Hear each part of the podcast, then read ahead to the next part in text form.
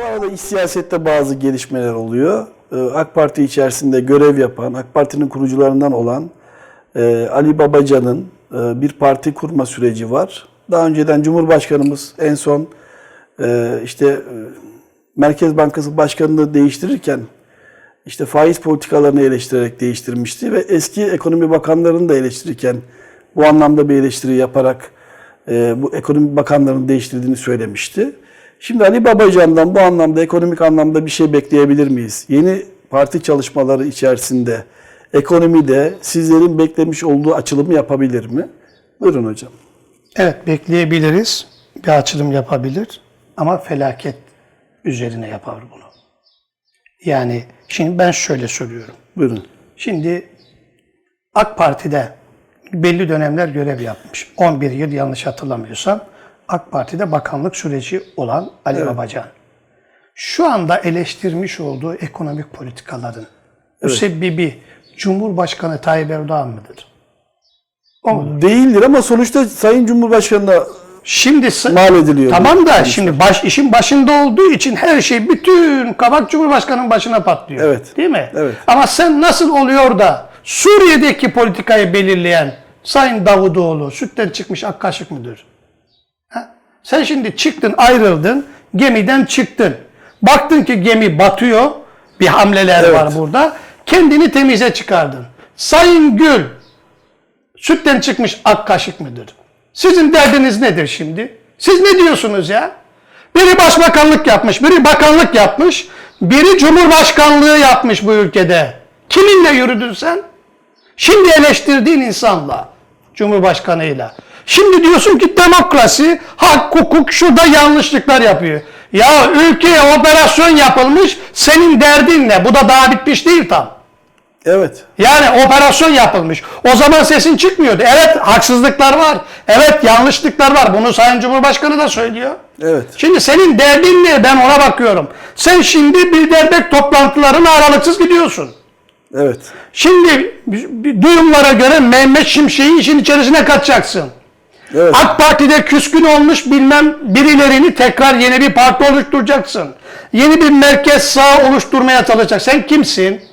Sen kimsin? Senin arkanda kim var? Amacın nedir? Amacın nedir? Arkanda kim var? Amaç şu. Şimdi söyleyeyim. Farklı Evet, bir şey evet, söyleyeceğim. buyurun. AK Parti şu anda Cumhurbaşkanı başkanlık sistemiyle S-400'leri alması.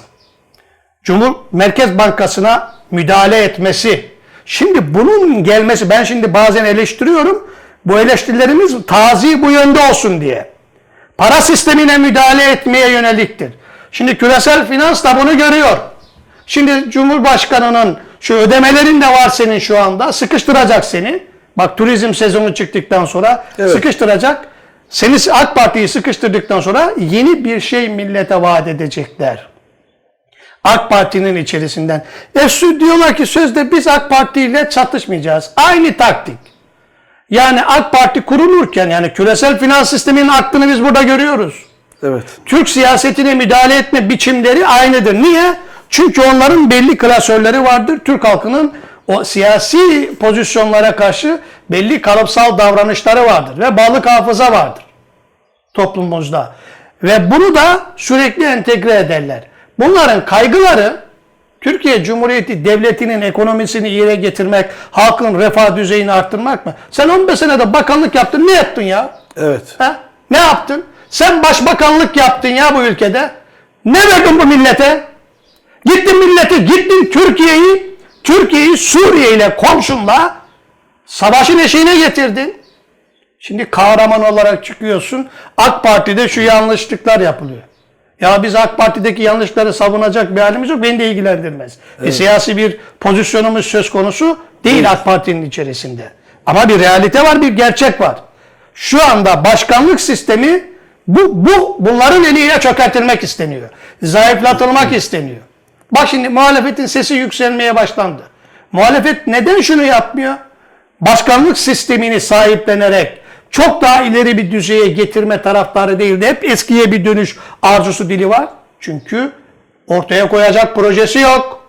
Şimdi herkes oturmuş Cumhurbaşkanınız iyicene zayıflamasını, nasıl zayıflatılacak bu da? küresel finansın Eylül'den, so- Eylül'den sonra ödemeler dengesiyle ilgili Türkiye'nin açmazsızlığıyla ilgili operasyonu yapmaya başlaması.